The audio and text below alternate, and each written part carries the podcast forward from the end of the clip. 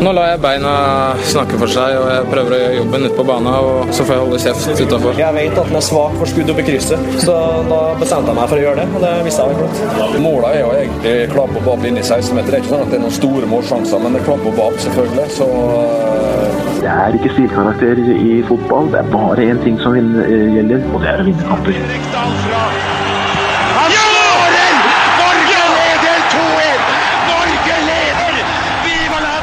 Og der er vi tilbake igjen med en ny runde toppfotball. Uh, deilig å se dere, gutta. Både Jørgen og Lasse, velkommen. Takk, for det. Og du Jørgen, jeg regner med du har gjort masse spennende siden uh, forrige uke? Standardsvaret er vel nei, så det er jo hvor, hva, slags, hva slags liv har du egentlig?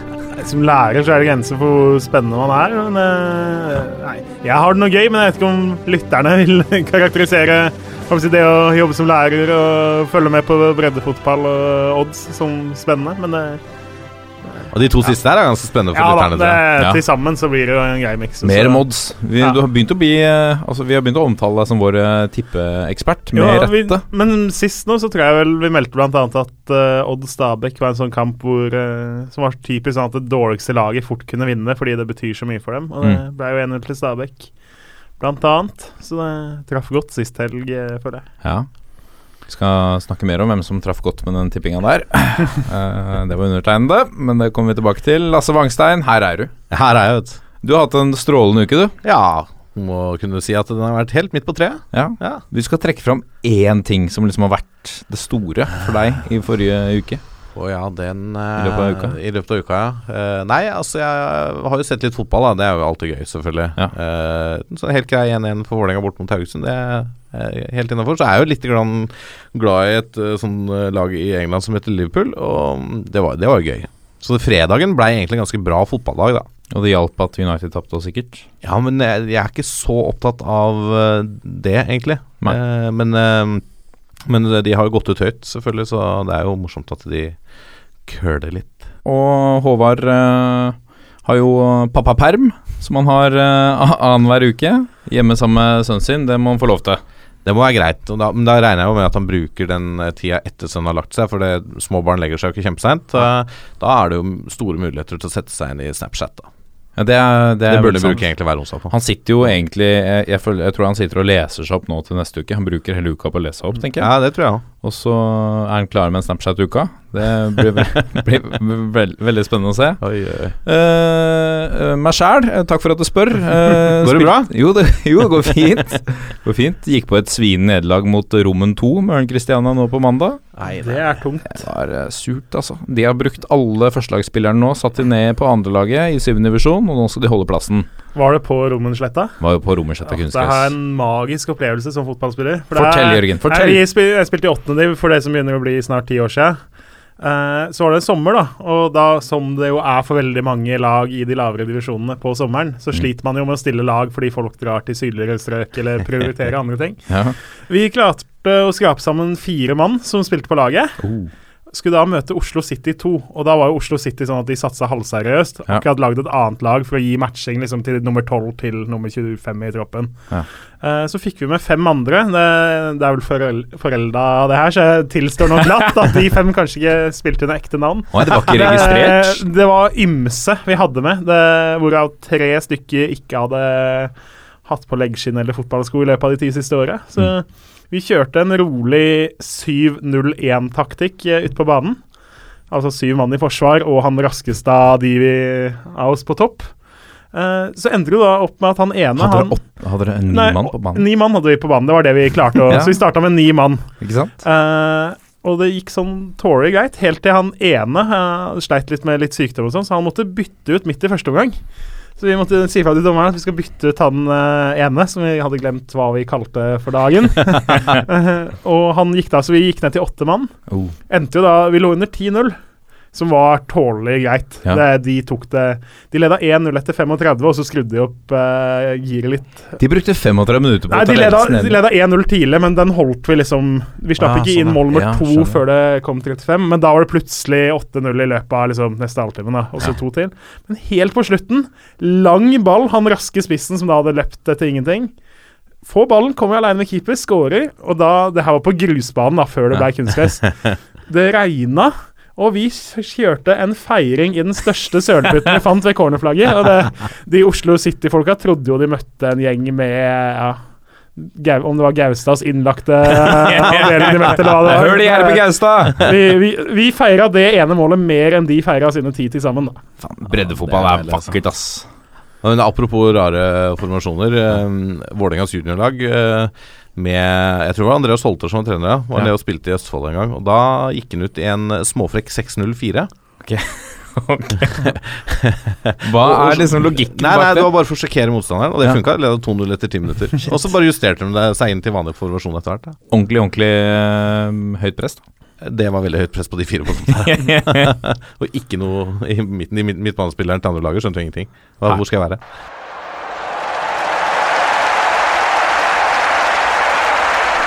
Og da er vi tilbake med, med pulsen. Det ypperste av norsk fotball, etter vår mening, den siste uka.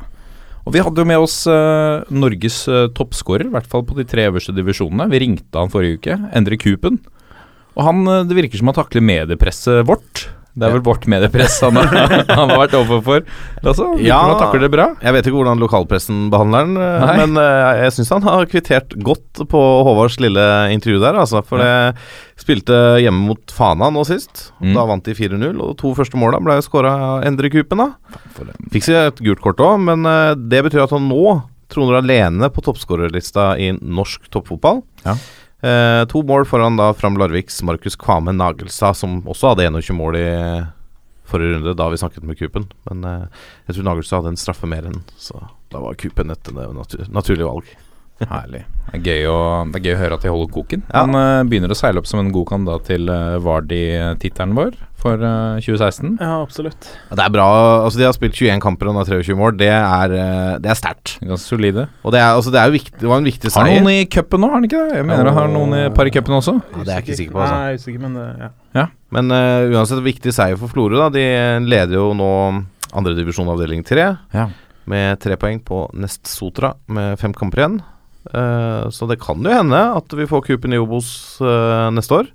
Får vi ikke det uansett. Det er jo Ja, det bør jo egentlig Han bør jo Han være blir jo solgt. moden. Han må bli solgt hvis ikke de rykker opp. Det er jo en kamp å glede seg til. De møtes, de to lagene. Florø og Nest-Sotra. Det er nest siste serierunde i den avdelinga. Ja. Så det de blir jo som- en opprykksfinale uten like, nesten. Ja, For de som driver sånn TV-medie, så er vel det, det TV 2 har jo hatt sånn der rundens breddekamp og sånn. Mm. selv om dette defineres som toppfotball, så bør vel den vurderes. Vi kan sende Håvard opp dit og filme på, med sånn. Facebook Live. Ja. Eller, eller på Snapchat-konto, Eller på som Snapchat. Tenk deg det er bare sånn ti sekunders glimt fra kampen gjennom 90 minutter. Det blir Helt. tungt. Hele veien. Men åssen åssen ligger han mens vi snakker om andredivisjon? Er det noen som har oversikt over eh, hvordan det ligger an? Ja, jeg tok et lite dykk da Ja. i andredivisjon uh, uh, nå, siden det begynner å dra seg til lite grann. Og det er jo egentlig bare den eh, avdeling tre, da, med Kupen og co., hvor det er eh, ordentlig tett og jevnt om opprykk. For det, er da i avdeling én så fortsetter jo Tromsdalen å plukke jevnt og trutt med poeng. Vant 3-2 borte i lokaloppgjøret mot Alta sist. ja ja, lokaloppgjør, de kaller det det. Uh, så de leder nå med ni poeng på Finnsnes. Uh, og er vel Obos-ligalaget neste år, kan vi vel si, da, med fem kamper igjen. Ja, det, det skal ikke gå an å rote bort. Nei, de, de, de gjør nok ikke det, altså. Men nok en gang, da. Vi snakka om det litt tidligere i sesongen. Mm. Avgjorde dem seint. Uh, Tor Martin Mjena skåra etter 83 minutter 3-2.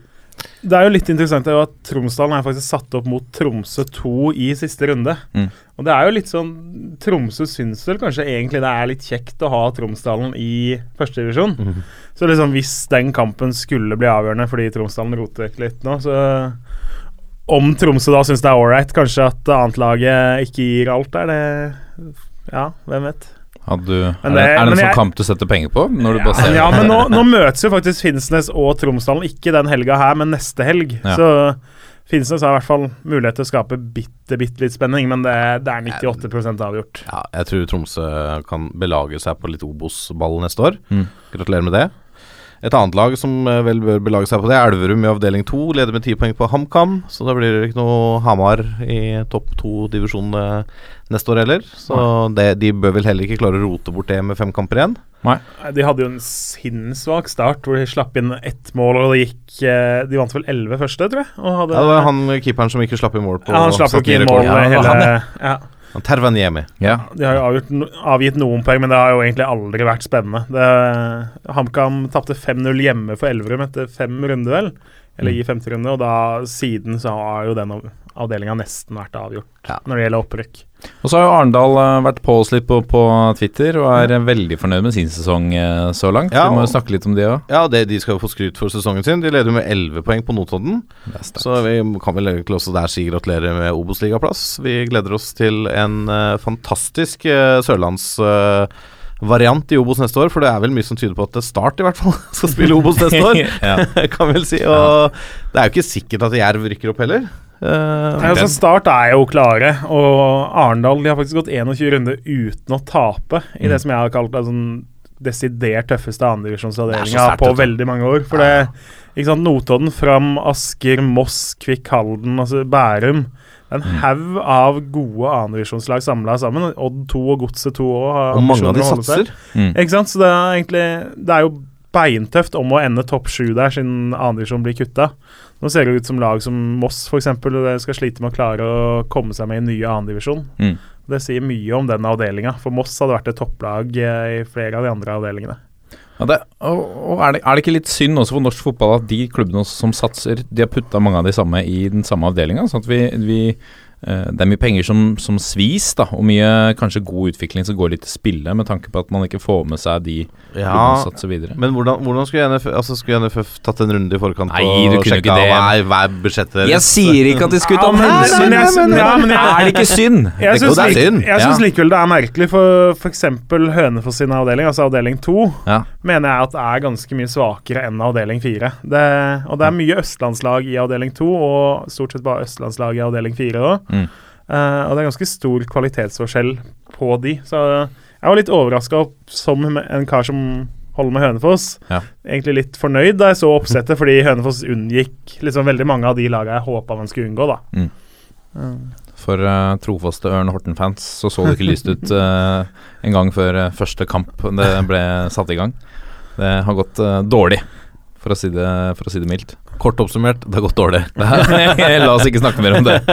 Ja, greit. Vi kan, eh, kan vi ikke vie en sending da til Ørn Horten? Oi, veldig gjerne. veldig gjerne Har vi vært gjennom andredivisjon? Ja, jeg tror vi er i mål da. Jeg kan vel, eh, vi gratulerer tre lag med opprykk, og følger spent med på Endre Kupen og Florø i kampen om Obos-ligaplass. De får ikke noe applaus ennå. De er ikke Nei, ikke helt ennå. Men det, det, er jo sånn, det er jo det beste året nesten å rykke opp. Det var jo nesten dumt da en del av de lagene som rykka opp nå i fjor. Mm. F.eks. KFM eh, og Raufoss, som liksom endelig fikk steget. Men i år så rykker jo fire ned fra Obos. Mm. Neste år så er det to rett ned og ett på kvalik. Så neste år er jo hvis Florø og Arendal, som jo blir nye bekjentskaper, hvis de rykker opp, så har de faktisk en habil sjanse til å kunne klare å berge seg. Blir sånn sett kanskje en litt uh, veldig spennende å følge med Obos uh, neste år. Kanskje enda litt mer spennende enn i år. Også med hvis vi kanskje får tre sørlandslag også. Det er, Det er kjempegøy. Og så blir det litt spennende å se hva f.eks. hvis Florø rykker opp Flore rykker opp, da. Hva det betyr for fotballen eh, ute i Sogn og Fjordane. Ja, Eh, for der har jo på en måte Sogndal hatt eneretten på de beste til enhver tid. Mm. Hvis du da får et lag i Obos-ligaen nå, så er ikke det at du konkurrerer med Tippeligaen, men da kanskje du konkurrerer litt på noen spillemarkeder. Kanskje da spiller type 13-14-15 i Sogndal, kanskje eller velger å gå til Florø for å spille fast Obos-ligafotball. Mm. Kan hende at det vil svekke bredden i et lag som Sogndal på sikt. Eh, For det er ikke så store forhold i Sogn og Fjordane. Eller vil det styrke det? Jeg ville si ja, det kan jo, ja, altså, så Spillerutviklingsmessig så kan Ja. jo det, for at du får disse spillerne som da er 13-14-15, som får en veldig høy arena å, å spille på. Mm. Som da kan være til nytte for Sogndal eh, på noen år fram i sikt. da så, Og de driver jo godt i Sogndal, det vet vi jo. Absolutt. Hvis vi tar to steg ned, eh, Jørgen. Elnesvågen mot Åndalsnes har du eh, notert det- deg. Ja, den har vi notert oss. Og det var en litt kuriøs hendelse. For der var det en av Elnesvågens spillere. De var vel i ferd med å tape kampen. Tapte 2-1, i hvert fall. Mm. Eh, Altså i fjerdedivisjon. I fjerdedivisjon, Mm. eh, oppe i Møre og Romsdal. Sunnmøre og Nei. Jeg det- nå- forsiktig. nå- nå må vi passe- Nei, skal vi se. Åndalsnes er Romsdal, det òg. Oh. Det er jo på grensa til Sunnmøre, men det er vel akkurat innafor Romsdal. Så Vær forsiktig nå. På Ja, ikke sant, og Elnesvågen er jo fra Molde-traktene. Så Uh, I hvert fall Elnesvågen på vei mot tap. Spiller for uh, rødt kort. Det hadde vært litt dårlig stemning og sånn, virka som en stund i den kampen. Og litt mishagsytringer, som det heter diplomatisk. Men han fikk nå i hvert fall rødt kort. Uh, tok det såpass fint at han tok fra dommeren det røde kortet, og ifølge Åndalsnes Avis prøvde å rive det i stykker.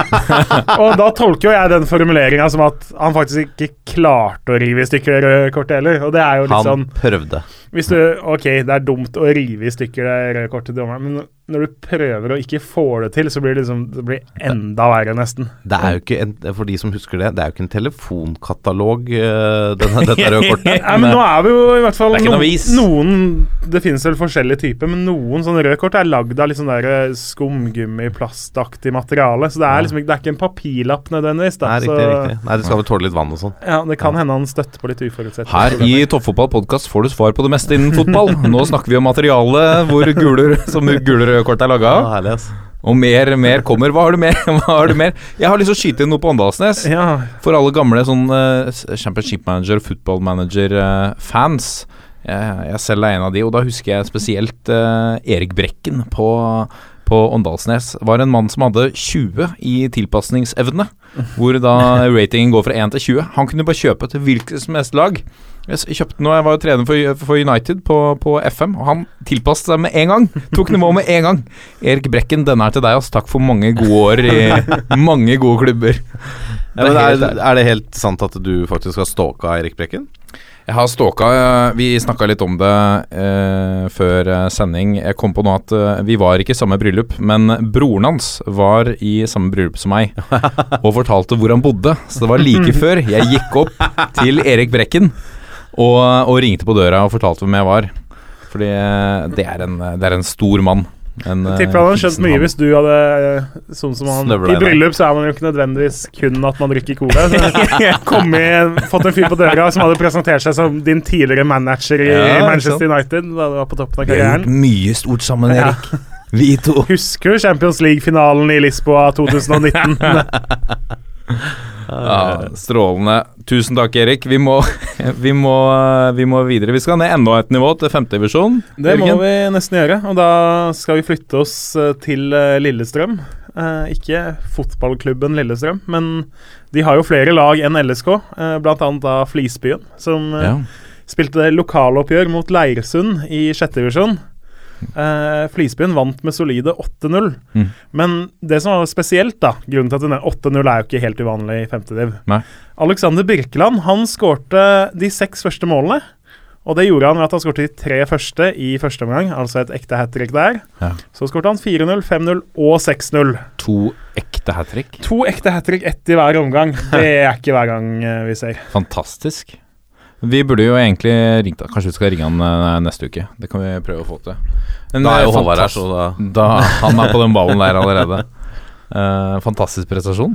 Seks Eh, me- Meget imponerende. Nei, helt, eh, helt strålende. Hvis vi går eh, opp et eh, par hakk, eh, og til en litt eh, styggere episode på Kongsvinger Ja, eller på eh, Ekebergsletta, hvor de Ja. spilte bort mot KFM. For det, ja. Mats Cato Mollskred har jo hatt en bra sesong på topp sammen med Adam Given for Kongsvinger. Mm. Eh, Mollskred ble satt til å ta straffesparket de fikk eh, da borte mot Koffa. Eh, omsatte jo det i scoring, som jo er det viktigste, men gikk rett ned for telling etter å ha satt eh, ballen i mål. Hva, Eh, hva skjedde? Hvorfor Nei, da Han dro på seg en solid skade der i lysken, så ja. han ble rett og slett båret av banen. Altså, Feiringa hans var løpe fire-fem skritt, kjenne at åh, faen, nå, det her er ikke som det skal være, og legger seg ned i smerte og ligger og vrir seg inn i straffefeltet. Han sa vel at han kjente det røyk omtrent? ja, det var en solid skade der, så han ser ut som han kan miste resten av sesongen etter å ha skåra på straffe. Men det er litt sånn Jeg prøver å sette meg inn i Mats Molskreds situasjon, for jeg har fått en lyskestrekk selv. Og da eh, Da hadde jeg ikke fått det før. Og da snur du deg rundt, for du tror det er noen som sparker deg hardt opp i, rett ved, ved, ved ballene, hvis det er lov å si. Det er lov. Um, og det, det tenker jeg at hvis han Hvis han hadde på samme måte at han putta, og så tror han at noen kanskje sparker han rett opp i, opp i skrittet er, eh, Vi får håpe han eh, kommer seg igjen, da. Men altså, er det lov å stille litt spørsmål til uh, om han er godt nok trent? Hvis du drar Ja. på deg en strekk når du skyter en straffe, altså Og det var jo ikke sånn Han denga jo ikke til heller. Det så jo ut som en uh, godt kontrollert, plassert, plassert, i plassert ja, hadde, hadde vi funnet det i bedriftsserien, så hadde du ikke sperra det på tross Men det er, liksom, det er førstedivisjon. Ja. Vi legger ut uh, videoen, det er en video av dette selvfølgelig. Vi legger ut på Facebook-sida i, eh, sammen med denne episoden. Ehm, og i eh, dagen i dag er litt uh, spesiell for deg, eh, Jørgen. Hvorfor Ja, nei, fordi at i dag er det nøyaktig ti år siden en av de mer spesielle fotballkampene jeg kan huske å ha sett live. Ja. Jeg hadde akkurat flytta til Trondheim i 2006. Det var jo semifinale på Lerkendal. Jeg bodde da nøyaktig en halv eh, langpasning unna Lerkendal stadion første året mitt der oppe. Mm. Så da dro man jo og så Rosenborg eh, skulle knuse Sandefjord og ta seg til cupfinalen. Ja. Isteden så endte det opp som Olav Sanettis store, store dag i eh, norsk fotball. Eh, Høyrebekk med Han starta i Skjetten, gikk til Lillestrøm, var innom Hønefoss, og så havna han i Sandefjord. Ja. Før han avslutta i Stjørdalsblink og i Stord, vel. Mm. Eh, Han skårte både 2-0 og 3-0 på nydelige overganger av eh, Sandefjord. Og innimellom dette så rakk han også å redde to ganger på streken han og Rosenborg holdt på å redusere. Eh, så det var en helt vanvittig kamp av høyrebekk Olav Sanetti. Sandefjord vant 5-2 på Lerkendal og tok seg til cupfinalen i året. Og det, det, var, det var en helt absurd kamp. Jeg husker jo Min far var da i utlandet. Mm. Sendte melding og lurte på hvordan kampen gikk, og jeg meldte da 4-1 prikk, prikk, prikk til Sandefjord. Ja. Og fikk da beskjed tilbake ha-ha. Morsomt, liksom. Det, hva, er det, hva er det egentlig? Ja. Nei, det er 4-1 til Sandefjord. Så Men det ble 5-2. det ble 5-2 til slutt. De tapte jo cupfinalen for Fredrikstad, hvor Rayo Piroya uh, skårte to mål, men eh, likevel. Sanetti vil huskes for det den dag i, i dag òg. Ja, for Vi snakka om det forrige. Espen Ruud eh, som da hadde hat trick mot Lillestrøm. Mm. Som høyrebekk. Mm. Det er det er jo for seg en kjempeprestasjon av han. Absolutt. Men det, det var jo en helt vanlig serierunde, og Espen Ruud er jo kjent for å skåre litt mål, faktisk. Ja. Spesielt på dødball og skrudd inn noen corner og sånne ting.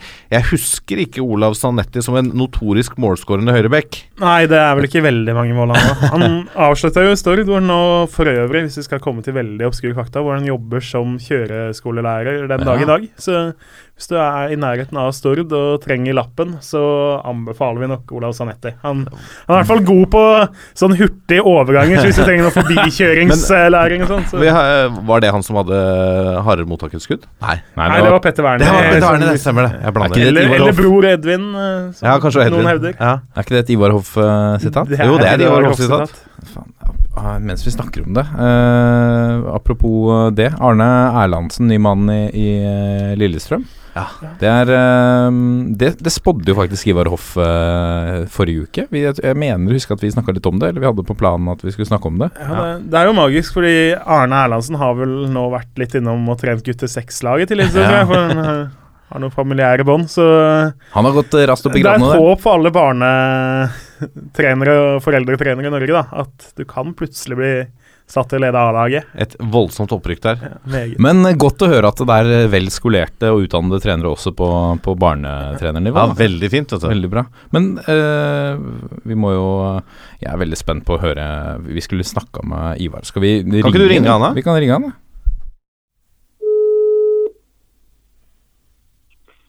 Hallo, det er Ivar.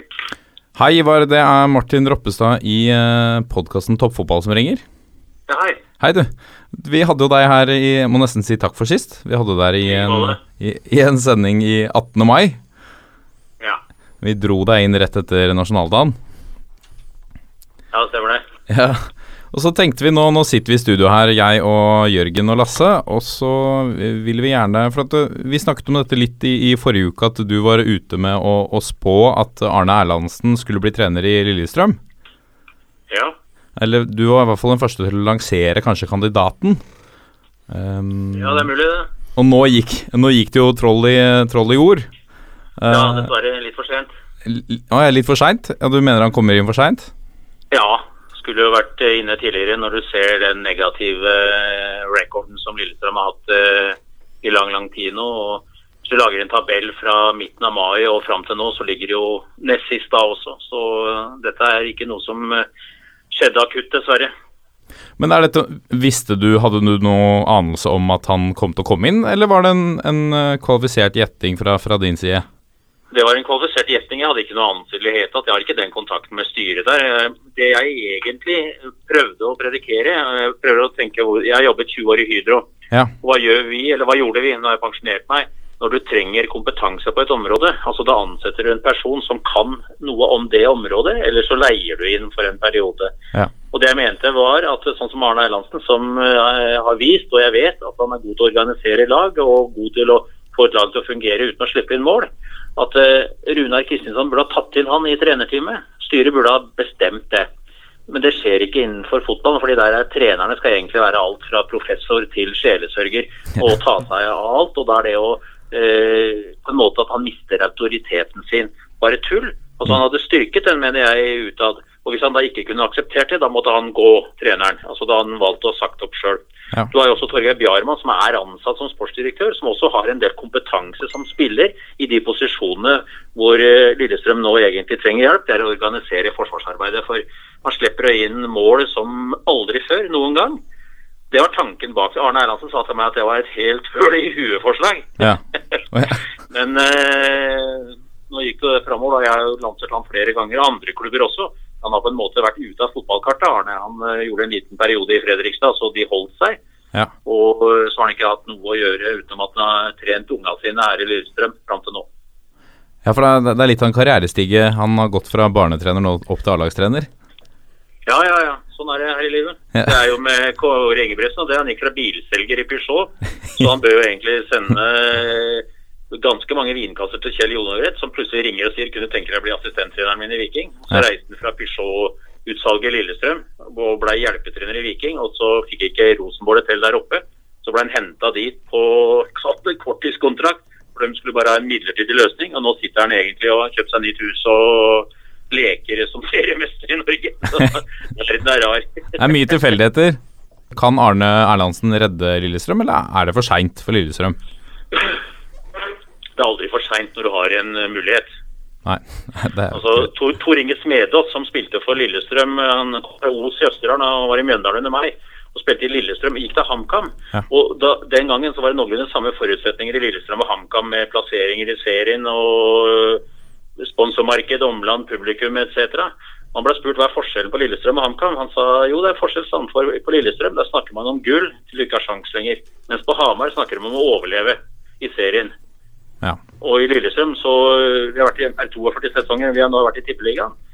Men det som jeg ikke liker, jeg er litt sånn eh, opptatt av eh, statistikk, det er sist Lillestrøm rykka ned. Det er bare 20% av Norges befolkning som husker det, fordi det var tilbake i 65. Ja. Det var ett år før klubben fylte eh, Nei, i 66, unnskyld. Det var ett år før klubben fylte 50 år. Det var 50 år i 67. Ja. Og nå i år er det ett år før vi fyller 100.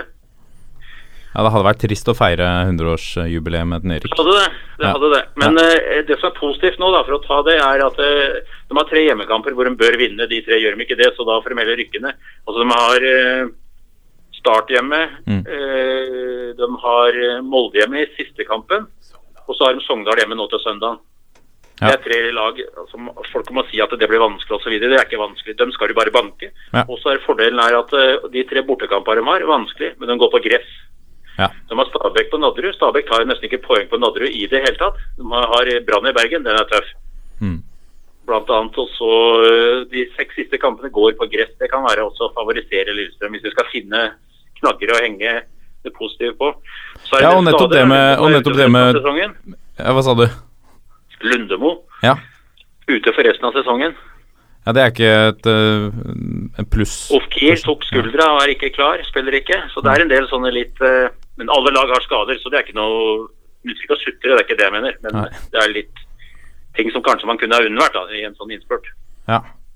Men hvis vi skal gå litt uh, til sida for, uh, for eh, Lillestrøm, holdt jeg på å si, uh, opp mot Ullevål. Du er jo en Nå spådde du Arne Erlandsen som, som ny Lillestrøm-trener. Hvem tror Ivar Hoff blir en ny landslagssjef når vi får en? Og burde vi bytte han ut? Han som vi har i dag? Det, det burde byttes ut mange. Ja. Når, altså, jeg, jeg har ikke vært helt nøye i eh, min analyse, men jeg tror det er nesten 100 personer som står på lønningslista i Norges Fotballforbund på. Ullevål stadion. Totalt. Ja. Og når du ser hva norsk fotball har brakt nå av negative resultater på herrelandslaget, A-landslaget, på U21-landslaget, som eh, ble mer eller mindre spilt i hjel i siste kampen. Mm.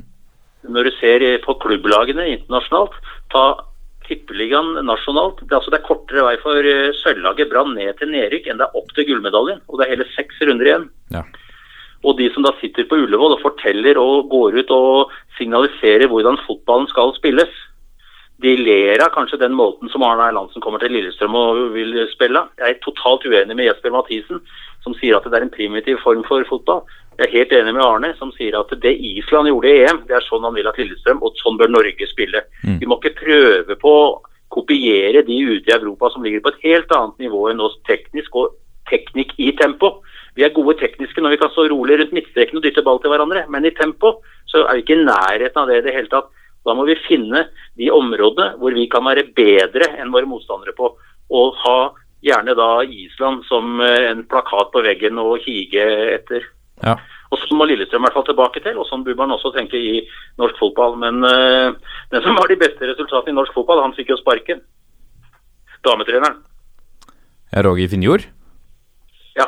Ja, ja for så, for så vidt. Men, hvem, men hvis vi skal gå litt konkret til verks, da. Hvis, hvis eh, Høgmo gikk i morgen, hvem burde NFF eh, ansette ifølge deg? Har du noen konkrete på blokka? Ja, det har jeg. Jeg ville ansatt en svenske. Å ja? Erik Sverige Han er i sluttspill hvert eneste år, Ja. mer eller mindre. Og øh, jeg ville satsa på en som heter Håkon Eriksson. Det er sønnen til Åby Eriksson. Ja. Han som brakte gull til Sverige i U21. Første gullmedaljen Sverige har tatt siden eh, OL i 1948. Ja. Ja, Det, det, det begynner å bli en stund siden. Men, eh, men, Men en han tok gull med U21 nå, for et par år siden. ja, men en svenske som landslagssjef for Norge, det, det sitter ikke litt langt inne for deg? Nei, altså det sitter nok langt inne i Norge, for her er vi jo verdensmestere i våre egne øyne. Men uh, så vidt jeg husker, nå husker jeg litt dårlig, for jeg har grått hår, men jeg mente Island hadde en svenske som landslagssjef nå. Ja, det kan stemme, det. Han var akkurat, eh, han er like gammel som meg. Ja. Jeg tror han klarte seg tålelig bra. Hadde du tatt jobben Ivar, hvis du hadde fått tilbudet? Selvsagt. Ja. Alle har jo lyst til å bli landslagssjef. Ja. det tror ikke jeg folk. Nei. Men jeg hadde i hvert fall spurt Erik Amrén, Lars Lagerbäck, det hadde jeg gjort. Ja. Og så når det gjelder damelandslaget, jeg tror ikke han har profflisens engang, Uefa-lisens. Han som nå gikk av som landslagssjef på damelandslaget. Jeg er litt usikker der, men jeg tror ikke det.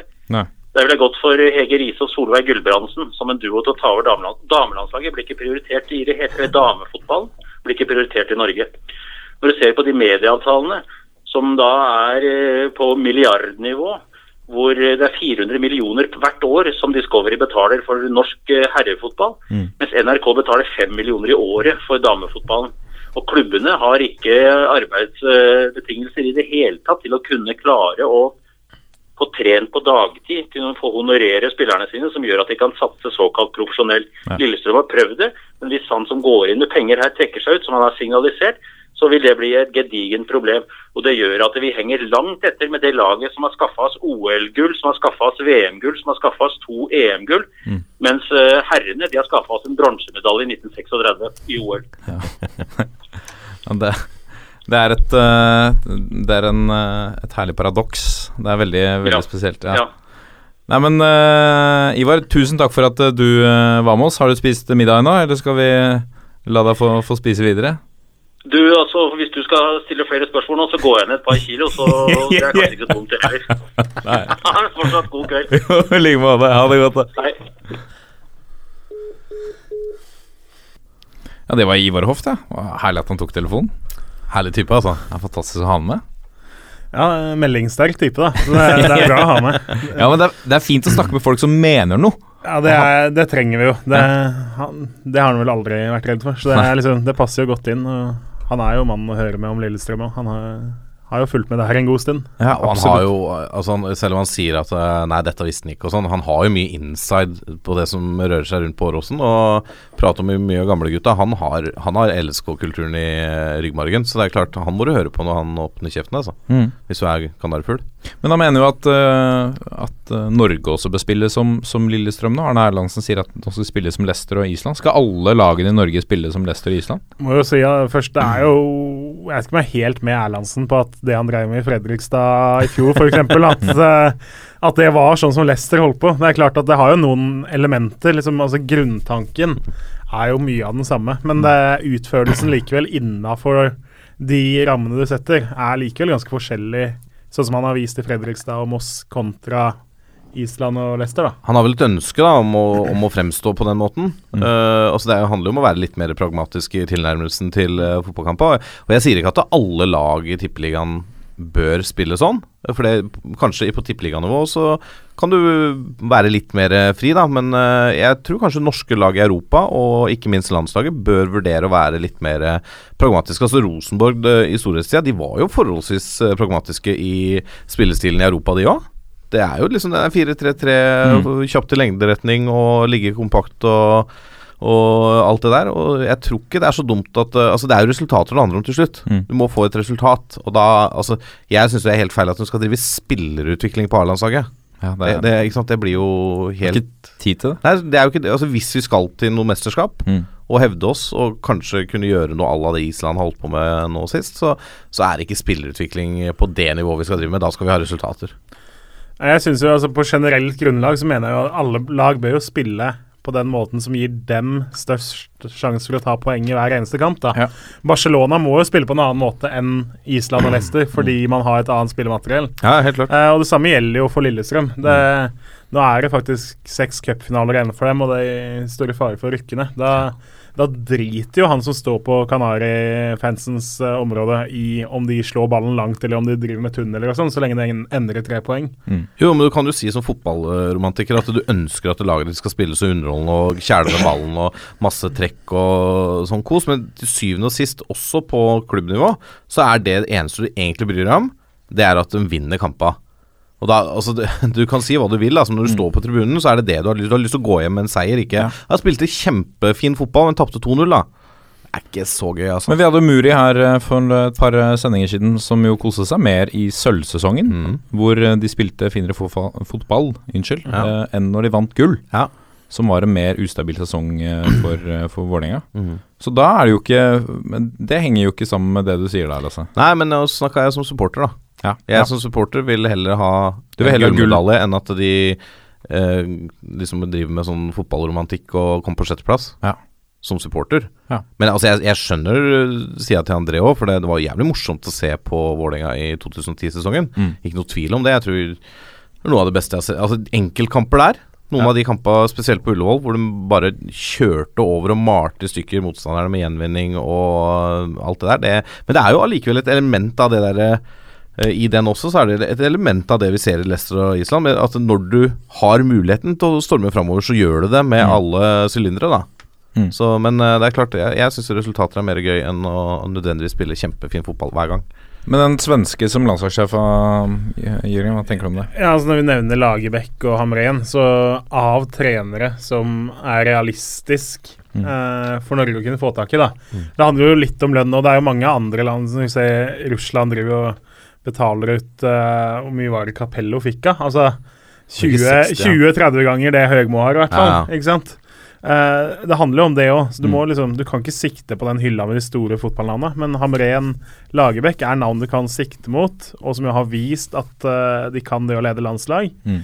Uh, at de er svenske, jo. Det er klart at det er litt sånn Det er jo ikke det du helst skulle ønske. Du skulle jo ønske at du hadde en nordmann som var en like god kandidat, men det det har vi ikke per i dag. Men altså hvis det danske landslaget klarer å ha en norsk fjellape som landslagstrener, så må ja. faen meg vi klare å ha en svenske som landslagstrener altså. ja, og, og, jeg mener lønningsposen til Høgmo, hvis det som spekuleres med det er riktig at han tjener opp mot fire millioner i året for å trene det landslaget Du bør få en ganske ålreit svensk landslagstrener for den summen. Det handler, det handler, jo igjen om det vi akkurat snakka om. Altså, så lenge vi vinner, så er det samme for meg om treneren er svensk eller dansk eller hvor han er fra. Men for å, for å um, runde av den uh, diskusjonen litt, da. Hvis vi bare ansetter Lars Lagerbäck, da, så tar han med seg all sin taktikk og sine strategier hit, og så kommer vi til neste sluttspill? sluttspill? Er, det så, er det ikke så enkelt, da? Må vel ha litt spillemateriale òg, da. Ja. Uh, men uh, det er jo klart altså, vi, altså, Det er ikke noe tvil om at vi har masse gode fotballspillere for så vidt i Norge. Vi har jo det. Mm. Uh, og så er det jo det å finne de riktige typene til spillestilene sine. Og det er jo tilbake til det vi har snakka om før. Du må velge de spillerne som passer til den stilen du ønsker å spille. Mm. Uansett om man har null eller 40 landskamper fra før. Da må, da må, du begynne å ta ut liksom, Plukke de spillerne du ser i potten. Som liksom Ok, han kan passe i min spillestil, da bruker jeg han. Han kan funke. Eller så må du få de du har til å funke i den spillestilen du vil spille.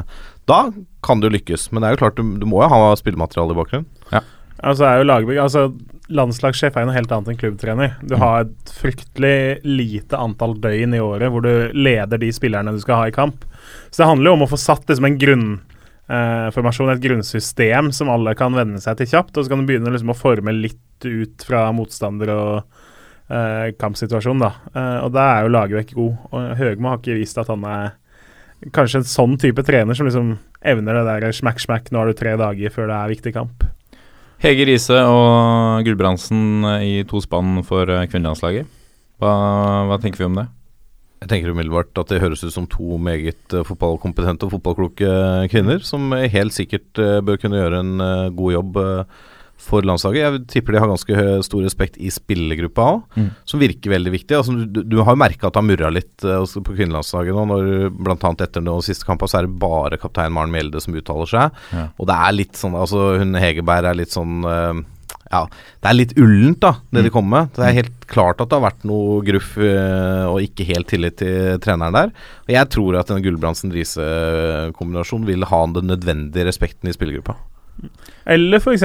Monica Knutsen, som ja, jo leder LSK nå med suksess sammen med Riise, og som har signalisert at hun skal jo gi seg i LSK nå etter sesongen. Gå over Fortsatt jobbe med fotball, men uh, det er klart at jeg tror nok hun kan unnvære den jobben på NTG, kanskje, hvis NFF ringer og spør om hun vil lede landslaget. Det, det, er jo gode kandidater, og det er jo navn som du sier som sannsynligvis har respekt blant spillerne. og det virker jo ikke som Finnjord helt har hatt. De har jo hatt greie resultater i kvall, men der møter jo motstand som er på et ganske lavt nivå. Det er jo ikke så mange lag i Europa som holder et anstendig nivå. Nei. Så at vi slår Israel og så videre, det har liksom ikke Det kunne du og jeg gjort, Lasse. Kunne leda dem til 5-0-seier der på Hødvold. Det liksom Dette klarte jentene fint på egen hånd. Ja, jeg, jeg tror altså, det er hvem som helst Du kunne ha fått uh, de her uh, Henrik Elvestad kunne fått sjansen der også, som han har hatt rundt omkring, tror jeg, og det hadde gått helt greit. Så du trenger en som spillerne har troa på, da, og som de har litt mm. respekt for. Og, det er jo liksom med Finnjord, da. Altså, det, han hadde denne 17 minutters uh, Eh, talen sin på pressekonferansen da han ble ansatt. Han, han ble jo liksom litt sånn Hva skal vi si mediehelt. Der under, var det under VM borte i Canada? Hvor han liksom sto i Hadde pauseintervjuer og sånn. Og han, han liksom skøyt litt fra hofta og var litt, uh, litt fargerik, da. Så mm. han ble jo liksom medieyndling, og alle syntes han var litt sjarmerende og sånn. Men så er spørsmålet om det klarer å overføre seg direkte til spillergruppa. da Om de syns det er like kult med liksom sånne lange utredninger og dikt. Som flere andre landslagstrenere driver med? altså, det er jo som du sier, Finnjord han ble jo en sånn Twitter-helt uh, da han holdt på med disse ja, noe intensive pausepratene. Ja. Han snakka på inn- og utpust og så litt ut som noe sånn, en middels komiker i karakter, nesten. Sånn, uten at jeg vet nøyaktig hvilken komiker som kunne vært Finnjord. Men uh, Eh, det er langt derfra til å være liksom den autoritære sjefen. Det er en stor forskjell på assistenttrener og trener uh, ofte. Ja. Assistenten skal jo være litt han derre som løser opp stemninga, litt kompisen til spillerne, på en måte. Mm. Og det å gå derfra til å være han som er boss og ta alle avgjørelsene og tar de vanskelige valgene, det kan være et stort steg det. Det er vel derfor du ofte ser i klubber hvor hovedtreneren får sparken, da, for at det har gått litt surt i spillergruppa, og så tar assistenten over. Så går det jæklig bra i kanskje slutten av en sesong, i en høstsesong, for da er det en kompisen, og så blir det litt sånn lave skuldre. Men når det da blir seriøst igjen til neste sesong, så er det ikke den nødvendige autoriteten til å dra det det steget videre.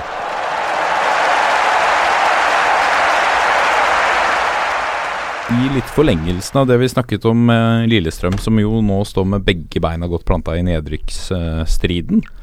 Uh, hvor jo også Bodø-Glimt har uh, vi, vi, trodde kanskje at Bodø-Glimt uh, tok et lite steg ut av den, sammen, sammen, med Tromsø, men nå har de surra seg nedi der igjen, Jørgen? Ja, så møter jo da Stabæk Bodø-Glimt nå. Mm. Så da er det jo faktisk sånn at med Stabæk-seier, så Og hvis de da i tillegg Lillestrøm skulle vinne mot Sogndal, da er Bodø-Glimt for fullt med nedi striden der igjen, de òg. Ja, absolutt. Og så er det ikke sikkert, da, i forlengelsen av det, at den kampen de spiller mens vi sitter nå og spiller inn dette, eh, kvartfinalen i cupen, de får jo da en kamp i beina inn mot Stabæk-kampen. Mm. Eh, selv om det er onsdag, og så spiller de vel på søndag, men allikevel, det er eh, Det kan jo ha litt betydning. Og de skal ned på gress. De er veldig glad i kunstgress. For å uh, ta det veldig kort, da. Vi har, uh, hvis vi skal se bort fra Tromsø på 11.-plass med 30 poeng, så har vi Bodø-Glimt på 12. med 27. Ålesund på 13. med 26. Og Stabæk på 14. med 24. Og Lillestrøm på 15. med 23 poeng. Ja, det, er, ja, det er jevnt. Ganske jevnt. Det er seks kamper igjen å spille. Og så er det en del interne oppgjør, da. Som Sekspoengskamper. Ikke sant. Det er fortsatt ikke avgjort. Det Synes jo, altså, Sogndal, Vålerenga og Troms er ikke helt sikre det gjelder, på 31 og 30, men det er klart de bør det bør holde med liksom én seier eller fire-fem poeng tror, for dem. Jeg tror du må ha 4-35 poeng for å være helt sikker. Ja. Men ikke sant, det er sånn Jeg så en statistikk før forrige runde, da. Mm. Hvor de siste årene så er det det laget som ligger på 13.-plass etter 23 runder, det har rykka ned. Enten via kvalik eller direkte ned. Mm -hmm. 13.-plass eh, før forrige runde, det var Lillestrøm. Mm. Så da skal vi jo si takk og farvel til de. Mm. Men så er det jo den lille Hva skal jeg kalle det, jokeren der, da. Arne Erlandsen. Mm. Som selvfølgelig kan uh, ha litt å si der, så Ja, og ikke minst bare det med trenerskifte. Og, ja, ja, det, er litt, uh... Men nå, det blir jo en fryktelig avgjørende kamp sannsynligvis til helga allerede, hvor de møter Sogndal hjemme. Ja. Det, det, er vanskelig å få veldig mye gunstigere kamper å skulle ta tre poeng på, da. Selv om Sogndal Eh, er godt organisert og alt ja, sånt. Så er det liksom Det er jo et lag Lillestrøm må forvente å slå når de kjemper for livet. Ja, de har jo en uh, Sogndal, Start og Molde hjemme, som uh, Ivar Hoff så vidt var inne på. Og Start, start på hjemmebane, den, den, må de bare vinne. Mm. Uh, og egentlig Sogndal, òg, som Jørgen sier. men så er det de to bortekampene i runde 26 og 27, da. Stabæk og Brann. Brann borte er ikke lett. Stabæk bør også være mulig å slå på Nadderud, for Stabæk har bare skåra ni mål på hjemmebane i år. De er skandaløst dårlige på eget gress. Likevel eh, sjette beste lag i Tippeligaen på eget gress. Ja, men de, men de skårer lite mål, og de, ja. jeg tror de har tre seire bare. Er det Ja, stemmer ja. det. Så det, det, det Men ja, det, den, eh, den eh, bunnsiden blir spennende, altså. Men jeg tror Jeg tror nok at hvis jeg skal tippe, da, så tror jeg Stabæk går. Direkte. For de har igjen fire hjemmekamper. Altså derfor, ja, ikke sant. Jeg, jeg tenker nesten motsatt, da, selv om altså, På grunn av hjemmeformen, da. Ja, fordi, altså, selv om de har gjort det ganske ustabilt hjemme. Så Bodø-Glimt hjemme, Lillestrøm hjemme, Sarpsborg hjemme, og så Start hjemme i siste. Det, ja, ja. Jeg vil se det er fire kamper hvor de skal være favoritter, egentlig. Da. Og så Vålinga borte, det er klart det er tøft. Molde borte er i nest siste veldig avhengig av hva, hva Molde altså. spiller på. Uh, Stavik har litt tak på Vålinga. Ja, så jeg syns når jeg ser på programmet, så ville jeg nesten vært mest bekymra hvis jeg var Ålesund-patriot, egentlig. For jeg mm. de har liksom det ekleste programmet, med veldig få kamper hvor de er liksom klare favoritter. De, ja. Vålerenga borte nå, som uh, blir tøft. Odd hjemme. Det er heller ikke en kamp hvor de er favoritter. Bodø-Glimt hjemme er en kamp de må vinne, nesten. Mm. Men jeg, ja, jeg, jeg syns også Stabæk har slitt litt med å avgjøre kamper i det siste. Uh, ok, nå vant de mot Odd sist, da, men altså, sånn på generelt liksom, litt, slitt litt grann med De har jo masse artige spillere, ja. og gode spillere offensivt. ikke sant? Altså NGE, Alansinho, Keita, Ohi uh, og så videre offensivt. Det er liksom Det er masse finesse, men uh, det mangler liksom det siste. Altså det Slutt som faktisk teller. Få ballen i mål. Det har de ikke helt funnet. Men Meti har ikke vært uh, mer enn høyst middelmådig denne sesongen, han heller. Så Nei, men det, hvis du mener at Ja, og Ålesund er de som ligger dårligst an. Nå står de med to uh, Nå har de ikke tapt på tre kamper, så med to strake seire. Ikke dårlig, men altså det tøffeste programmet av de tre lagene ja. helt nederst, da. Ja. Jeg syns uh, de har det verste, og Lillestrøm er litt sånn midt på treet. Så syns jeg Stabæk egentlig har det antatt letteste, men det er ganske liten forskjell der. Mm. Og sånn som Stabæk-Lillestrøm, det blir jo en helt totalt avgjørende kamp om to eller en og en halv uke. Det er flere avgjørende, avgjørende kamper der òg, med, med, bunnlagene. Men du Lasse, du tippet, uh, du tippet at Stabæk gikk rett ned. Hvem tipper du på kvalik? da? Ja, jeg gjorde det, da, og jeg tipper uh, Lillestrøm for kvaliken. Jeg, ja. tror, jeg tror Ålesund klarer seg. For de, de, jeg syns det vis, virker som de er litt i, litt i grann i draget nå, da. og så igjen dette med cupen. De møter Vålerenga nå i neste kamp. Det, den kampen på Marienlyst i morgen kan gå til ekstraomganger for alt vi veit. Ja. Da kommer Vålerenga dit med 120 minutter i beina torsdag til søndag, og Ålesund har vilt seg siden forrige helg. Eh, kan hende at det taler til deres fordel i den kampen, og da vinner de på Ullevål på søndag, så er, begynner det å nærme seg noe for Ålesund, tror jeg, da.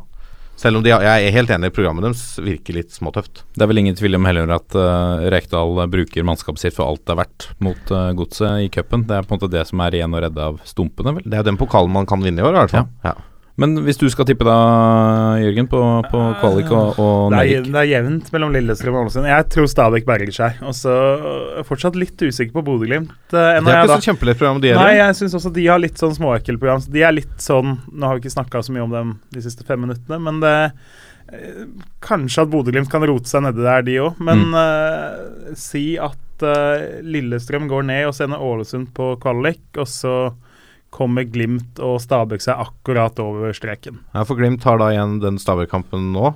Mm. Og så har de hjemme mot Godset, borte mot Ålesund og borte mot Haugesund i de to neste. Så nest siste kamp hjemme mot Viking, og så avslutter de på Lerkendal. Ja. Ja. Det kan fort bli Det kan fort lukte svidd av den. eh, Men da har du jo Ok, nå, er- nå veit jeg at jeg er på rimelig tynn is her, da. Ja, Men, kjør- uh, ja, kjør vi is. kjører is. Uh, Rosenborg er jo da seriemester Mm. i siste serierunde. Eh, har jo egentlig da ikke noe å spille for. Skal kanskje bare Det kan jo hende de da bare skal uh, spisse litt grann inn mot en eventuell cupfinale. Og vi vet jo den samarbeidet som har vært mellom Bodø-Glimt og Rosenborg. Det kan jo hende at Rosenborg syns det er en fordel å ha Glimt i Tippeligaen, da, vet ikke jeg. Men det, Jeg, som jeg sier, veldig Ja. tynn is. Jeg Ja. tenker jo at det kan jo bli Vi husker jo at det var en kamp her mellom Rosenborg og Tromsø i siste runde. Ja. Eh, hvor Ole Martin Årst ikke var med. Det var synd vi ikke spurte Ivar Hoff om dette. Det var da på fødestua, var det ikke det? Yep, det var det. Da, klart, da hadde Rosenborg ikke altfor mye å spille om, mens Tromsø spilte for livet. Ja. Og vant jo med en 1-0-skåring eh, av Arne Vidar Moen vel, helt på slutten. Hvor det Tre-fire minutter på På overtid. Da Da sto jeg på Brann stadion. For det er jo klart at uh, Rosenborg på Lerkendal Rosenborg har ikke tapt sin første serierunde. Det er- Tror de det er- keen på å opprettholde den. Altså. uansett ikke en veldig Det er ikke den kampen du vil ha når du må ha en seier, da. Nei. Men eh, Rosenborg i 30. runde når Rosenborg allerede har vunnet gullet for en måned siden, det er i hvert fall gunstigste tidspunktet sånn isolert sett å møte dem på, da. Ja. Mm. For den kampen du nevner der, den sendte jo Vålerenga på kvalik. Ja. Og da hadde Vålerenga akkurat tapt mot Brann i Bergen, og kampen pågikk fortsatt i eh, Trondheim. Mm. Eh, og alle, alle på Brann stadion ble stående på stadion og høre. For da kom det live-rapporter over eh, anlegget, og der skåra Tromsø og sendte Vålerenga ned på kvalik. Og det var da 15 000 bergensere som hånlo Ja. og begynte å synge 'Rykker ned'. Og det var, det var en ordentlig tung dag, Det, for å si det pent. det Og heldigvis løste det seg, den kvaliken, eh, men eh, allikevel. ja. Jeg tror basert på Hvis jeg skal snakke for meg sjæl, så tror jeg Jeg tror Ålesund går ned. Basert på kampprogrammet. Selv om de står med to uh, seire nå. Sist en, en eh, på papiret sterk seier mot uh, Godset, men Godset er uh, ute av form. Mm. Um, så tror jeg Stabæk, eh, ut fra det de har vist, så begynner de å, å få Jeg syns de har fått det til å funke etter Vi kan snakke litt mer om det etterpå. Fått det litt til å funke etter overgangsvindu. Uh, og så tror jeg Lillestrøm, Arne Erlandsen, leder de til en, til en kvalik. Men det er spennende å se hva, hva, hva som skjer i en, i en kvalik òg. Det er gode motstandere i, eh, potensielt på en kvalik fra Obos. Jo, men sånn historisk sett så har du ganske god sjanse til å beholde plassen i Tippeligaen hvis du får kvalik. Mm. Selv om det er selvfølgelig unntak der òg. Men vil, ville dere mm, Ok, nå kanskje vi får, får oss noen fiender, da. Men uh, f.eks. Lillestrøm på kvalik, da. Som er en, en storhet i, i, i norsk fotball som vel Hva var det Ivar sa? Det er veldig veldig lenge siden de var nede på andre Ja, nivå. De rykka midt på 70-tallet og har vært i øverste Det er 42. året eller noe sånt, tror jeg. Ja. 41. eller 42. året i Eliteserien. Ja, Ja. Jeg husker ikke om 75 var Jeg tror 75 var første sesong Ja. i Tippeligaen. Så Eller i Eliteserien, da. Men de, har, men de har ikke hatt et nedrykk siden eh, 66. Nei. Eller, ja. Hvis dere eh, skal snakke litt sånn, sånn fotballromantisk, vil dere heller hatt opp et nytt og spennende lag fra Obos, eller vil man beholde Lillestrøm i, eh, i Tippeligaen? Eller blir Obos et mer attraktivt produkt også med Lillestrøm i, i ligaen? Svaret på det siste er jo ja. Selvsagt blir Obos-ligaen mer attraktiv. Det så du jo bare med Brann i 2015. Ja. At det er mye mer oppmerksomhet, selv om Brann skaper mer interesse enn det Lillestrøm kommer til å gjøre. da. Mm. Eh, men jeg vil ha de beste lagene med det største potensialet uh, på øverste nivå, sammen med Hønefoss, selvsagt. Så de, de, fem, de 15 beste laga og Hønefoss ut, kan vi godt Nei, ikke nå, men bare vent. Uh, så jeg vil jo ha Lillestrøm oppe. Nå bor jeg jo i nabokommunen og har ti minutter til Åråsen, så Så du er inhabil, og du er Vålerenga-mann, og du er også inhabil? ja, men jeg har jo sagt før at jeg håper egentlig Lillestrøm holder seg, for at de kampene mot Lillestrøm er så forferdelig morsomme. Ja. Som at jeg ønsker Lyn tilbake, selv om det i hvert fall er langt unna. Men, eh, men eh, samtidig så er jeg litt sånn jeg begynner å bli litt grann lei av disse folka på Åråsen. Det, det er eneste fokuset deres er at ja, vi har vært i Tippeligaen i 41 år. Og, og, det er, og, det virker som det nesten er det som er eh, ambisjonen til klubben om dagen nå. Det er bare å holde seg. Det er, det er ingen andre ambisjoner. Altså, vi må være i Tippeligaen så vi kan slå i bordet at vi er det laget som har vært lengst oppe. Ja. Kanskje klubben har gått av en liten heistur ned og rett opp igjen, sånn som Brann. Altså, jeg må jo ærlig innrømme, jeg hadde jo flira litt om Lillestrøm rykka ned, ja. tross alt. Men jeg sånn for fotballproduktets del og de lokaloppgjøra mellom Vålerenga og Lillestrøm, så håper jeg Lillestrøm holder seg. Men uh, vi, vi, skal ikke si at ikke de prøver. Nå er siste grep uh, for Lillestrøm er vel at uh, på neste hjemmekamp mot Er det Sogndal? ja. Så får alle med felleskjøpedrakt. Alle som kler seg opp i felleskjøpet Den dressen, er det ikke ja, den kjeledressen? Heldressen der, ja. De får gratis inngang, ifølge ja, hvem er det? Er det Morten, Morten Stokstad? Morten Stokstad? Det, jeg vet fortsatt ikke om jeg tror helt på det, for det er jo Lillesund hadde jo dette Pokémon-stuntet her som vi ja. snakka om i sommer. hvor det lokka meg at du kunne fange Pokémon og sånn på Åråsen. Eh, Felleskjøpedrakter ja, Jo, ok, det kommer sikkert noe ekstra folk, kanskje, men jeg, jeg håper jo egentlig at det ikke kommer fryktelig mange i felleskjøpedrakter òg, kjenner Men Tenk, tenk deg et scenario om, om uh, alle Lillestrøm-fansen hadde stått med felleskjøpedrakt mot uh, Vålerenga. Ja, helt ærlig. Altså, vi har jo hatt Å, en eh, episode på Vålerenga hvor uh, klanen hang opp en TIFO over uh, borteseksjonen til Lillestrøm med felleskjøperlogoen. Oh, ja. Ikke sant? Så det er snakk om Hvis dette er sant, det er snakk om å bygge oppunder den der 'for en gjeng med bønder' som eh, klanen synger, da, med ja. å kjøre det stuntet. Men det er gult og grønt. Uh, er ikke det ullkisa? Det, det, det, veldig, rart, veldig rart. det er gøy. Ja, Veldig gøy. Skal vi bevege oss litt mot uh, toppen nå? Det er litt uh, spenning i, i, toppen og Tippeligaen også. Vi kan ta tabellen der også. Vi har selvfølgelig Rosenborg på topp med 59 poeng. Ja, Vi tipper vel kanskje at uh, Rosenborg tar gullet, eller? Ja, ja. 18, 18, poeng ned, mye bedre målforskjell og seks kamper igjen. Det kan gå. det, kan gå. det kan gå for Rosenborg. Bak de så har vi Brann nå oppe på annenplass med 41 poeng. Og på tredje Odd 41. Og på fjerde Haugesund med 40 poeng. Og så må man egentlig ta med kanskje også Molde på, på femte med 38. Det er, eh, det er vel fem lag, og så kan man ta med Viking på 36 poeng også bak. Og så har Sarpsborg og Godset har vel havna for langt bak til å ta medalje nå. Det er ja. klart de kan passere noen av de lagene vi nevnte og ende som nummer fire, fem, seks, men neppe medalje. Da, da skal omtrent alt av resultatet klaffe for de to lagene, da. Ja. Skal vi ta en runde på hva dere tror om, eh, om eh, andre- og tredjeplass? For det er jo eh, kvalik til Europaligaen. Det er, betyr, jo, betyr, jo, litt. Jørgen, har du jo ja, Jeg er jo smått inhabil med en far som jobber for Brann, men jeg ja. syns jo at de har brukbare muligheter også hvis du ser på programmet. da. De har, For det første så har de fire hjemmekamper igjen, og én av bortekampene er mot Start. Mm. Uh, så det vil jo egentlig si at uh, selv om kampen hjemme mot Molde blir jevn, så har de i hvert fall fire kamper hvor de er ganske klar favoritt. Da, hjemme mot Tromsø, hjemme mot Lillestrøm, hjemme mot Sarpsborg og bort mot Start. Mm. Og så er Molde hjemme og Sogndal borte er jo også kamper med brukbare poengmuligheter. Mm. Uh, så hvis vi starter med å se på dem, så har, jo ikke, så har de ganske gode muligheter og har vist OK høstform. Så de bør være med der til siste slutt, egentlig. Hva tenker du, uh, hva tenker du Lasse? Sa du nå, nå, nå tenker du annenplass, eller? Ja, hvert, ja, i hvert fall. Altså, det, blir, det blir jevnt, og det kommer til å skille toppen ett eller to poeng mellom de plassene. Så det er vanskelig å si liksom, at de tar sølv og de tar bronse. Ja, men det er det jeg spør om. Ja, Brann tar i hvert fall én av de to plassene, tror jeg. De, Hvilken? Hvilken? du kan få et svar om fem minutter. Okay. Jeg har på en måte tenkt oss gjennom resten nå. Ja. Skal du ha svar om meg, da? eller? Ja, du kan begynne med din strålende argumentasjon først, kanskje. Ja, ikke sant? Nei, altså jeg ehm, Jeg sitter jo egentlig og venter på den der lille brannnedturen som mm. alltid kommer når de begynner å snakke om medaljer og gull og sånn. Mm. Eh, nå blir det ikke gull i år, det vet vi jo, men jeg, jeg, tror selv om de har et sånt greit program, at de kommer til å snuble en eller to ganger i løpet av den perioden her, eh, på kamper de bør vinne. Den kan fort komme i Kristiansand. At Brann blir det laget som gir eh, Start årets seneste seier. Det kan fort skje. Ja. Uh, jeg mener jo at det laget av de vi nevner her, som kanskje har det høyeste maksnivået når de fyrer på alle sylinderne, er jo Molde. Ja, det, det, er jo det, men det er et eller annet med Molde nå ja, da, som er, er, litt sånn derre eh, De evner liksom ikke å vise det maksnivået. Det, altså, jeg, jeg, det, er, det er ikke noe tvil for meg. Kanskje du kan hevde at Odd er omtrent på samme nivå, men bak mm. Rosenborg så har Molde i år det laget som har nest høyest potensial. Ja, er- De burde tatt sølvet, i hvert fall, men uh, Sist, altså før forrige runde, da så hadde jeg egentlig satt opp Odd eh, som sølvvinner rett foran Molde, Ja. som taper begge to.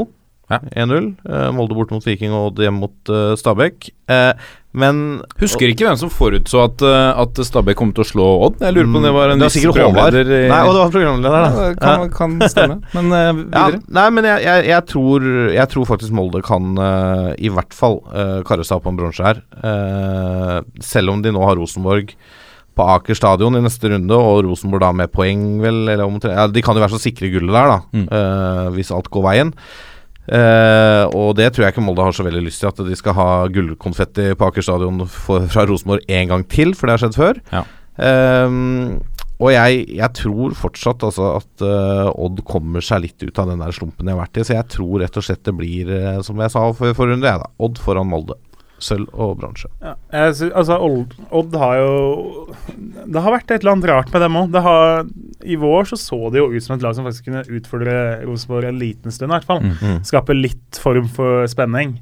Uh, og så har de bare duppa helt, og angrepsspillet har blitt ganske litt mer statisk, litt mer forutsigbart. Ikke så mange som kommer på løp samtidig. Litt stang ut et par ganger. Seknini ute. Seknini ute.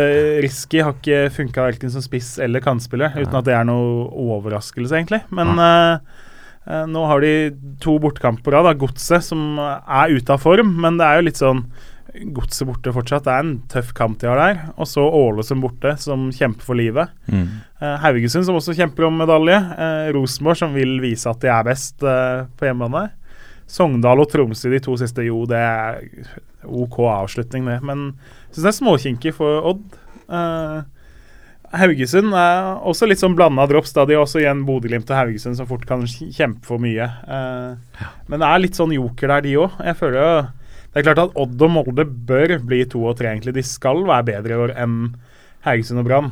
Før sesongen så hadde jo de fleste tippa eh, Odd og Molde til å kjempe om gullet og Haugesund og Brann til å kjempe mot eh, nedrykk. Eller i hvert fall eh, i nærheten av det. Ja, ja. Så sånn sett så er det jo et sjokk nesten hvis ikke Mol Molde og Odd kommer foran. Men- Men, uh, jeg, jeg, jeg sier Brann, og så sier jeg Odd tar det akkurat foran Molde og Haugesund på bronsen. Men jeg sa, jeg sa Odd sølv foran Molde, jeg.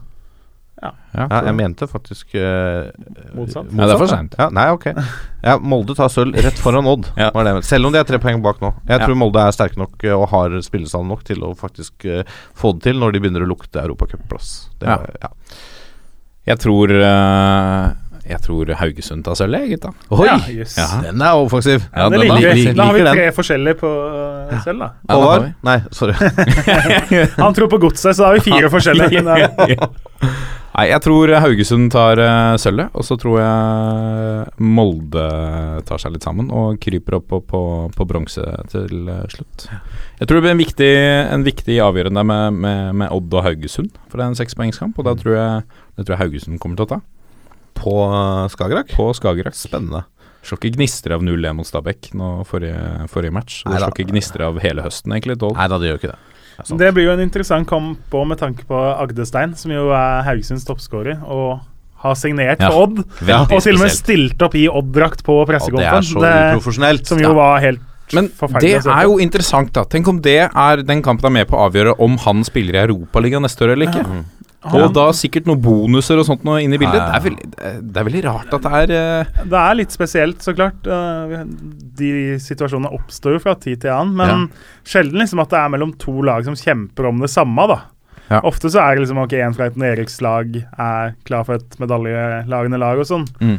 Eh, Da Freddy Dos Santos hadde signa for Vålerenga for mange mange, mange år siden, så var vel siste kampen hans for Molde på Ullevål mot Vålerenga.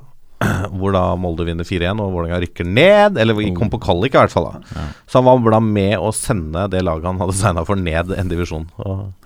Det må liksom Ja, man, man sier jo at man, man er profesjonell 100 Ja, ja. til fingerspissen, men det må, gå, det må gå noen tanker gjennom hodet når Men den, men den derre draktgreia til Agdestein, at han tar på seg Odd-drakta på Det kunne de unngått. Ja, det syns jeg er uproft av Ja. Odd, og så er det litt korttenkt av Agdestein. Jeg skjønner at det er vanskelig for han når han bare får den drakta i hånda rett før de går inn. Ja. Eh, Vålerenga gjorde det samme med Moa da vi signa han fra Skeid eh, et halvt år før kontrakten gikk ut.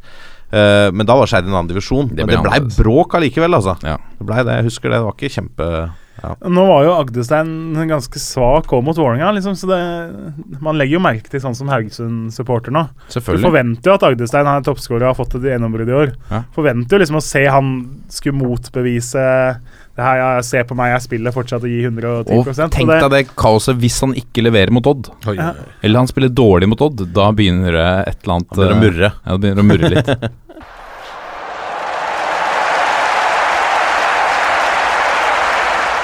Og da er det runden vi skal snakke om. Kommende tippeligarunde nå til eh, helga. Og vi har som vanlig plukka ut eh, hver vår eh, match som har Vi prøver å plukke det ut litt på hva som har en del å si for, for tabellen. Og vi har jo snakka litt om Litt om uh, bunn, og vi har snakka litt om Lillestrøm, Jørgen. Nå tar de mot Sogndal hjemme.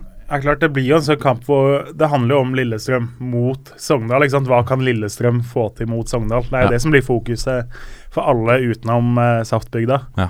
Uh, det blir veldig spennende å se hvilke grep uh, Arne Erlandsen gjør nå. da. Det er Mm. klart Man vet at det blir litt endra spillestil, men hvilke spillere er det han velger? Nå har f.eks. Bonke Innocent vært uh, litt ute i kulda siste tida Mm. under Kristinsson. Og han er jo en spiller som først og fremst har egenskaper på å stoppe motstanderen på midtbanen. Og er jo en litt annen type enn Martin og Lundemo, som har spilt på midten, blant annet. Eh, Mm. Litt mer den grove arbeideren. Jeg tipper jo han er en mann Arne Erlandsen kommer til å velge der. Ja, I hvert fall nå hvis Lundemo er ute resten av sesongen. Ja, da, slipper man jo litt oppvalg, så det blir jo kanskje tvunget. Men jeg tipper han fort hadde gjort noen sånne endringer uansett. Tror du en Eh, sånn type Malek er en eh, spiller som får spille mye nå? Jeg er veldig spent på det. Altså Malek er jo høy og svær, og liksom han tenker jo ok, nå skal de spille kynisk, da Mm. passer det med en stor, svær kar. Mm. Eh, Malek er jo overraskende svak i lufta, syns jeg, til å være 15 meter høy. Eh, han er jo god inn i boksen liksom rettvendt, men feilvendt så er han ikke liksom et fantastisk oppspill, oppspillspunkt. Han er jo god fordi han har 15 cm ekstra på de fleste, men eh, ikke noe ekstraordinær utenom det. Så, men Knutson Malek er jo et naturlig, en naturlig tanke, f.eks. Ja. Gary Martin har gjort det helt OK inn i boksen. Det spennende å se hvilke valg Erlandsen gjør. Jeg tror jo Lillestrøm, selv om jeg snakker om at de fort kan gå ned nå, det, jeg tror jo de griper den sjansen. Selv om Sogndal er et vanskelig lag å bryte ned, men går an å kjempe ned. Da må du ville litt mer. Sogndal har tatt mye poeng på liksom at de har villet de få ekstra prosentene i mange kamper. Det er Klarer Lillestrøm å få de prosentene på sin side, så tror jeg de tar tre meget viktige poeng. Mm. Hva tenker du om uh, Vålerenga-Ålesund, eh, Lasse? Nei, der tenker jeg jo at det er jo sånn Det er den klassiske reka mot gamleklubben, da. Hvor det er, ikke kanskje er sånn kjempestemning mellom uh, de to leirene. Nei, fortsatt ikke. Nei, fortsatt ikke. Jeg har kanskje ikke lagt den helt bak seg. Eh, Ålesund kommer jo fra en solid 4-2 mot Godset sist. Vålerenga har en torsdagskamp som nevnt tidligere i beina, og kan, som for alt vi vet, kan gå til ekstraomganger. Jeg syns det er en helt åpen kamp, selv om sånn isolert sett så skal Vålerenga slå Ålesund på, på hjemmebane. Uh, ÅFK har vært svakere borte enn hjemme i år, uh, selv om de så med to seire på sine tre siste bortekamper. Vålerenga uten tap lå på fem kamper. Uh, og Ålesund mangler kaptein Bjørn Helge Riise, som fikk gult kort sist. Mm. Og så var jo Mustafa Abdullawe var ute og eh, lappa til Wilsvik her i forrige kamp. Så Ja. det var litt spennende å se om han skulle få karantene, men det slapp han. For det, forklaringen var at uh, Francisco Junior i godset hadde dyttet han, sånn at armen hadde skutt fast fart eh, i eh, ansiktet på Wilsvik, og det trodde påtalenemnda på, så da slapp han karantene. Så han spiller jo. Ja. Så nei, jeg, det er altså en Jeg syns det er en helt, helt åpen kamp. For det er litt det Ålesund spiller for livet nå. Vålerenga kanskje begynner å få litt den der at det har ordna seg, på en måte. Mm. Uh, og Ålesund virker å være litt i, litt i dytten, de òg. Vålerenga har nå to uavgjort på rad, selv om de har ni kamper på rad uten tap. da Så jeg, mm, jeg ville helgardert den, i hvert fall. Men jeg vet ikke hva tippeeksperten vår sier, jeg, Jørgen. Jeg er ganske enig i analysen din. Jeg synes, altså Vålerenga er naturlig favoritter fordi de er et bedre lag enn Ålesund. Eh, men så er det jo, kommer det mange andre faktorer inn, som du sier cupen, at Ålesund faktisk spiller for livet, som gjør at det her blir en ganske åpen kamp.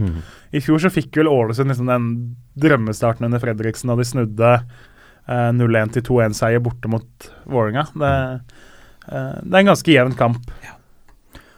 Vi eh, må også snakke litt om Jeg kan snakke litt om Stabæk Stabæk-Bodø-Glimt. så må dere gjerne skyte litt uh, inn uh, dere også. jeg har selvfølgelig tidligere meldt at jeg forutså denne borteseieren til Stabæk. Men jeg sa jo tidligere at Stabæk er tippeligaens sjette beste hjemmelag. Det er jo selvfølgelig dunkende feil. De er det sjette beste bortelaget. Ja. Og det så vi bort mot Odd sist. Keita med an sitt andre mål på fire kamper, som blir viktig nå i nedrykksstriden. Jeg tror han ble viktig mot uh, Bodø-Glimt òg. En uh, fantastisk kule fra 18 meter mot Odd. Um, og uh, de har en, uh, en sisteskanse der, i Sayuba, som var viktig mot Odd sist. forsvarsspillet er veldig sånn varierende. Mm. Det kan være fra det mest krigerske, fantastiske til liksom det skandaløse. Men du har en Sayuba, i hvert fall en sisteskanse, som fungerer godt for, eh, for eh, Stabæk. De er for øvrig det 15. beste hjemmelaget. Ja, de er nest dårligst på hjemmebane. Det er bare Start som er dårligere. Det var jo total skivebom i stad. Men det er greit. Så, så gjorde de jo et morsomt grep, Stabæk, med at de flytta Birger Meling, eller ja. Brynjar Meling, som han ble hetende etter kampen hos noen som skrivende, uh, opp på midten. Er, han var jo kanskje tippeligaens beste forsvarsspiller sist sesong, ja. men er jo en god fotballspiller. Mm, absolutt. Som kanskje er plassert på bekken litt uh, tidligere i karrieren av manglende høyde og osv. Mm. Uh, men takla den rollen bra òg. Jeg syns Stabæk har slitt litt med den balansen sentralt. Prøvd mye varianter der. Issa forsvant på siste dag av vinduet. Så uh, Meling virka som en ganske god løsning der, da. Mm. Spilte jo ikke Alonsinho sist heller? Nei, han har kanskje ikke kommet helt i gang, han heller. Ubenytta reserve. Ja, og så er det jo Glimt, da, ikke sant, som er sånn kunstgresslag. Jeg vet ikke hvor mye de trives å komme ned på litt sånn høstbane på Nadderud der, på gresset der. Ja, så er jo Ironisk er jo at Stabæk virker jo trives best på kunstgress. Ja, det er jo det. Det er veldig rart. Men, men, når du nevner Sayoba, da. Det er jo både med han og for så vidt Origi i Lillestrøm òg. Mm. Egentlig fantastisk gode keepere begge to, mm. men gjør av og til Har noen såkalte hjerneblødninger av ja. og til, som er bare sånn som Origi nå mot Tromsø sist, og Sayoba har noen sånne småtabber av og til, som er sånn helt Hvor kom det fra? De er så gode keepere. Mm. Men øh, Og det, det, er jo luke ut de, da, nå de siste kampene her. Det blir viktig. Når vi snakker om hjerneblødninger, så syns jeg Bodø-Glimt-forsvaret til tider i år Uh, med unntak av Start, som jo er tragikomisk, så syns jeg Glimt-forsvaret uh, ser ut som uh, de som har minst peiling på hva faktisk forsvarsspill er i fotball. Ja. Mm. de gjør fryktelig mye individuelle feil, en del av den der. sånn og så tidvis sliter de liksom med å ligge som en kompakt firer bak. nå sist så sleiva jo Thomas Jacobsen ballen som et perfekt innlegg, ja. og keeper Simon Thomas tenkte at nei, dette kan være et tilbakespill, så jeg må prøve å heade ballen ut, eller et eller annet. Ja, men da må du heller ta ballen med hendene, ja, ta det indirekte ja, frisparket, altså. Mm. Uh, så jeg syns Bodø-Glimt de varierer noe fryktelig. Det kan vi vel si om alle lag bortsett fra Rosenborg og Start uh, denne sesongen, her, men uh, Bodø-Glimt har et ekstremt stort hopp fra høyeste nivå når angrepsspillet sitter uh, godt, til mm. det de tidvis driver med bak der, som jo må påføre Aspira-fansen, nei, supporterne diverse fysiske lidelser. ja. Jeg så for øvrig en uh, statistikk uh, så vidt på Twitter her, at uh, lag to til ti i Tippeligaen, mm. så er det ingen av de som har vunnet mer enn én en av de fire siste kampene. Mm. Selv om da Vålerenga har ni på rad uten tap, men det er jo fem seire og fire uavgjort. Uh, og da noen av de har da liksom én seier på åtte kamper, og det er lag som kjemper om medalje. Ja. Så det er noe ujevnt, ja. Det Bing, kan vel si. Bingoligaen? Ja. Kanskje litt. Knipse med fingra, Jørgen. Er det noe tipperesultat ja, som har gått i din favør? En svensk ball her, men det, så vi får lage en svensk podkast eh, etter hvert, det flyte, bare. Vi må ta med Vi, vi har fått en ny rating, gutta, uh, på, på, iTunes. Uh, en som skriver uh, Altså, det er Real Madrid Superstar som har laget, lagt inn. Martin Ødegaard hører på, med andre ord. ja, hyggelig, altså. lagt inn kongepodkast, flinke folk, podkasten byr på kunnskap og humor. Så vet jeg ikke hvem som står for hva. Jørgen, eh, du har litt av begge. Vi andre, Lasse? vi bare raller med. vi raller med. Vi er uh, Toppfotball på Facebook og Twitter og Instagram. Uh, rate oss gjerne også på, på, iTunes, det er veldig hyggelig. Kanskje vi leser opp ratingen din på lufta? Ja, kanskje vi gjør det. Kanskje vi skal begynne å gjøre det? Ja, det er gøy. Det er gøy, det gjør vi. Vi er tilbake neste uke. Nei.